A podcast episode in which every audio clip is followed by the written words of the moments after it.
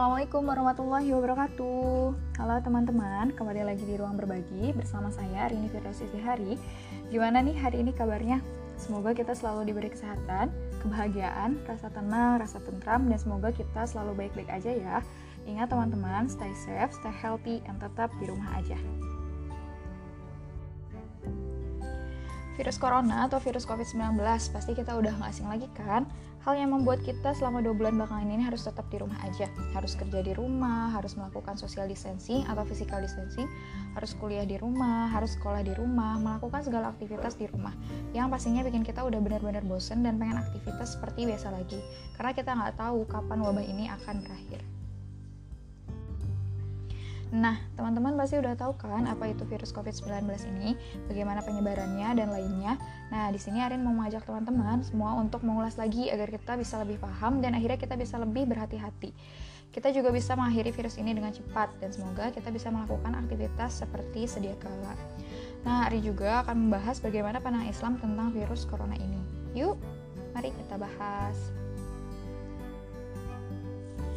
Apa itu virus COVID-19 atau corona?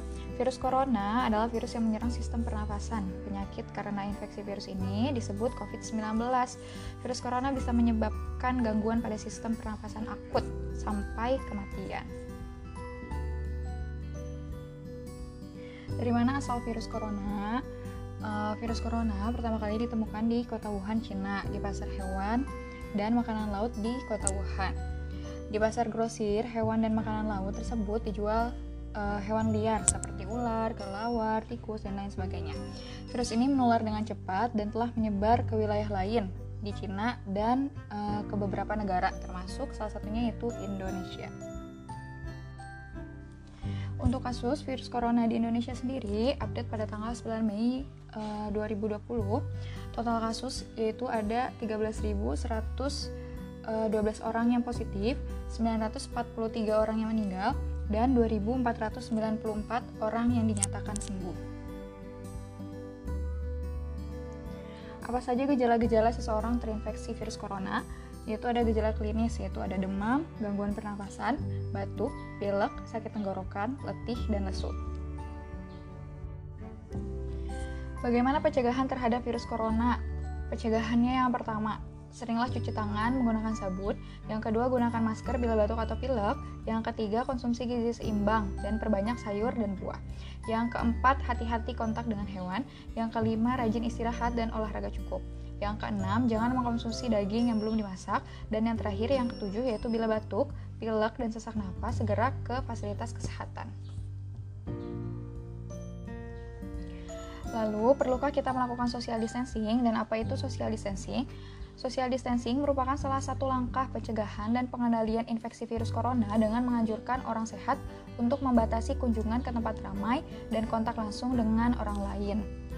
Ketika menerapkan social distancing, seseorang tidak diperkenankan untuk berjabat tangan serta menjaga jarak setidaknya 1 meter saat berinteraksi dengan orang lain, terutama dengan orang yang sedang sakit atau beresiko tinggi menderita COVID-19.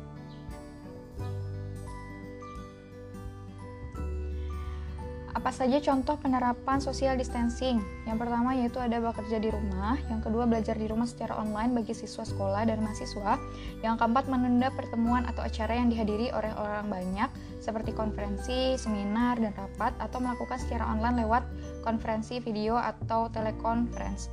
Dan yang terakhir yaitu yang keempat, tidak mengunjungi orang yang sedang sakit, melainkan cukup melalui telepon atau video call. Apa yang harus dilakukan jika sehabis keluar rumah, habis dari berpergian sampai rumah harus ngapain? Aksi pencegahan penurunan COVID-19 di dalam rumah. Yang pertama, masker adalah benda sekali pakai. Hancurkan masker dan buang ke tempat sampah. Masukkan ke dalam plastik sebelum membuang ke tempat sampah atau limbah infeksius. Lalu yang kedua, lepas sepatu dengan berdiri, jangan sambil duduk. Lepas alas kaki sebelum masuk ke dalam rumah, lalu buang semua tanda terima pembelian atau kertas-kertas yang dapat dibuang. Yang ketiga, masuk rumah dengan tanpa alas kaki. Yang keempat, jangan menyentuh apa pun, duduk-duduk cantik atau leha-leha. Hindari kontak dengan anak-anak atau anggota keluarga lainnya sebelum mandi dan mengganti baju. Lalu yang kelima, semprotkan alkohol disinfektan pada pakaian dari ujung ke ujung dan juga ke seluruh barang bawaan. Yang keenam, cuci tangan dengan sabun.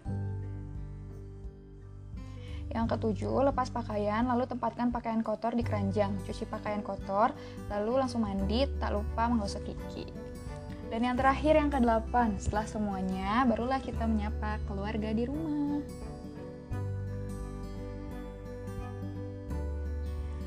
Lalu pembahasan selanjutnya bagaimana Islam menyikapi virus corona ini?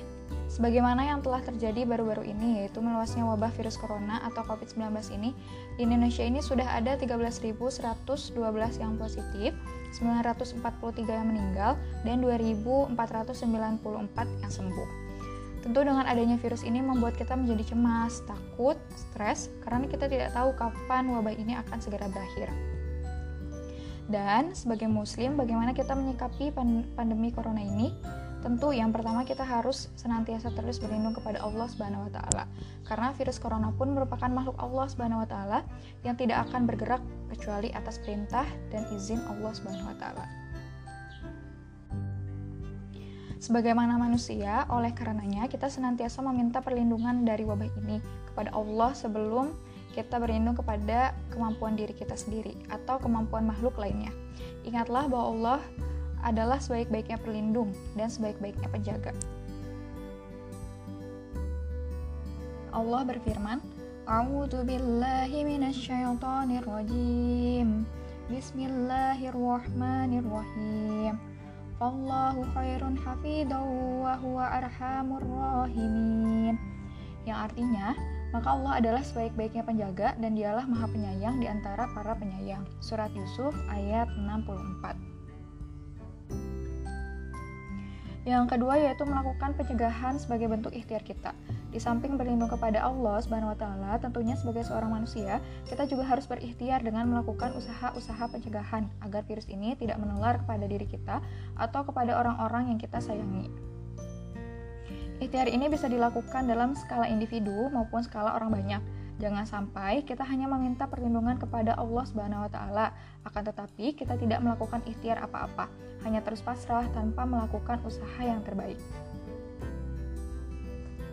Ikhtiar yang dilakukan dengan mengikuti cara-cara yang dianjurkan oleh para ahli dalam bidang ini seperti rutin menjaga kesehatan, rutin mencuci tangan, rutin memakan makanan yang baik, rutin berwudu, serta menghindari keluar rumah dan berkumpul di tempat keramaian bila tidak diperlukan. Lalu yang ketiga atau yang terakhir, yakni yakin kepada Allah Subhanahu wa taala bahwa wabah ini akan segera berakhir. Yakinlah bahwa Allah adalah sebaik-baiknya penyembuh karena ialah Tuhan yang Maha Penyembuh. Dan yakinlah juga bahwa tidak ada penyakit yang Allah turunkan kecuali ada juga obat yang diturunkan bersamanya. Lalu pembahasan selanjutnya, baru-baru ini sempat heboh ya ketika pemerintah mengeluarkan fatwa bahwa kita boleh tidak berpuasa Ramadan karena adanya wabah atau virus corona ini. Tapi AIDS tidak seperti itu ya teman-teman. Kenapa? Sebagaimana landasan syariat kewajiban berpuasa Ramadan ini merujuk sejumlah dalil baik dari Al-Quran maupun hadis. Artinya secara dasar hukum sangat kuat, sebab dilandasi oleh aspek krusial dalam hukum Islam. Dalam Al-Quran, surat Al-Baqarah ayat 183, Allah Subhanahu wa Ta'ala berfirman, yang berbunyi, A'udhu billahi minasyaitonir rajim. Bismillahirrahmanirrahim. يا أيها الذين آمنوا كتب عليكم الصيام كما كتب على الذين من قبلكم لعلكم تتقون yang artinya wahai orang-orang beriman diwajibkan atas kamu berpuasa sebagaimana diwajibkan atas orang-orang sebelum kamu berpuasa agar kamu bertakwa Tak hanya dalil Al-Quran, dalil hadis pun juga menegaskan posisi hukum puasa Ramadan. Dari Abdullah bin Umar, Rasulullah Shallallahu Alaihi Wasallam bersabda yang artinya Islam ditegakkan di atas lima perkara, yaitu dua kalimat syahadat, mendirikan sholat, menunaikan zakat, berpuasa Ramadan, dan haji ke Baitullah bagi mereka yang mampu. Hadis direwayatkan oleh Imam Bukhari, Imam Muslim, Imam Al-Tirmizi, dan Imam An-Nasai. Lalu di dalam kitab Biadat Al-Mujtahid wa Nihayat Al-Muqtasid karya Ibnu Rushd disebutkan bahwa dalil ijma tidak ada satupun ulama yang menyangkal kewajiban puasa Ramadan. Adapun orang-orang yang wajib melaksanakan puasa Ramadan antara lain yaitu orang-orang yang balik, sehat jasmani rohani, bukan musafir dan bukan wanita yang sedang haid. Jadi, teman-teman, menurut pembahasan yang di atas, semua orang wajib melaksanakan puasa Ramadan selama dalam kondisi mampu melaksanakan puasa, sehat secara jasmani, rohani, dan mental. Dan pada saat keadaan seperti ini, ada beberapa pengecualian seperti tenaga medis ataupun dokter yang menangani para pasien corona. Maka mereka diperbolehkan untuk tidak berpuasa apabila berpuasa berbahaya bagi mereka. Dan apabila ia beresiko lebih tinggi, maka ia diperbolehkan untuk tidak berpuasa. Tetapi tetap mereka wajib menggantinya di selain bulan Ramadan ini.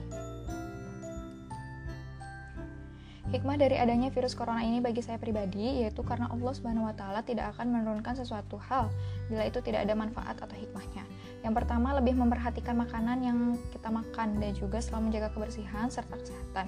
Yang kedua, kita jadi semakin dekat dengan anggota keluarga, bisa menghabiskan banyak waktu dengan keluarga. Yang ketiga, bisa melakukan banyak hal yang sebelumnya tidak bisa kita lakukan karena keterbatasan oleh waktu. Dan yang terakhir, yang keempat, bisa terus mengasah hobi yang kita miliki dan masih banyak lagi. Mungkin hanya cukup sekian, semoga bermanfaat ya teman-teman. Mohon maaf bila banyak kesalahan serta kekurangan. Stay safe, stay healthy, and tetap di rumah aja.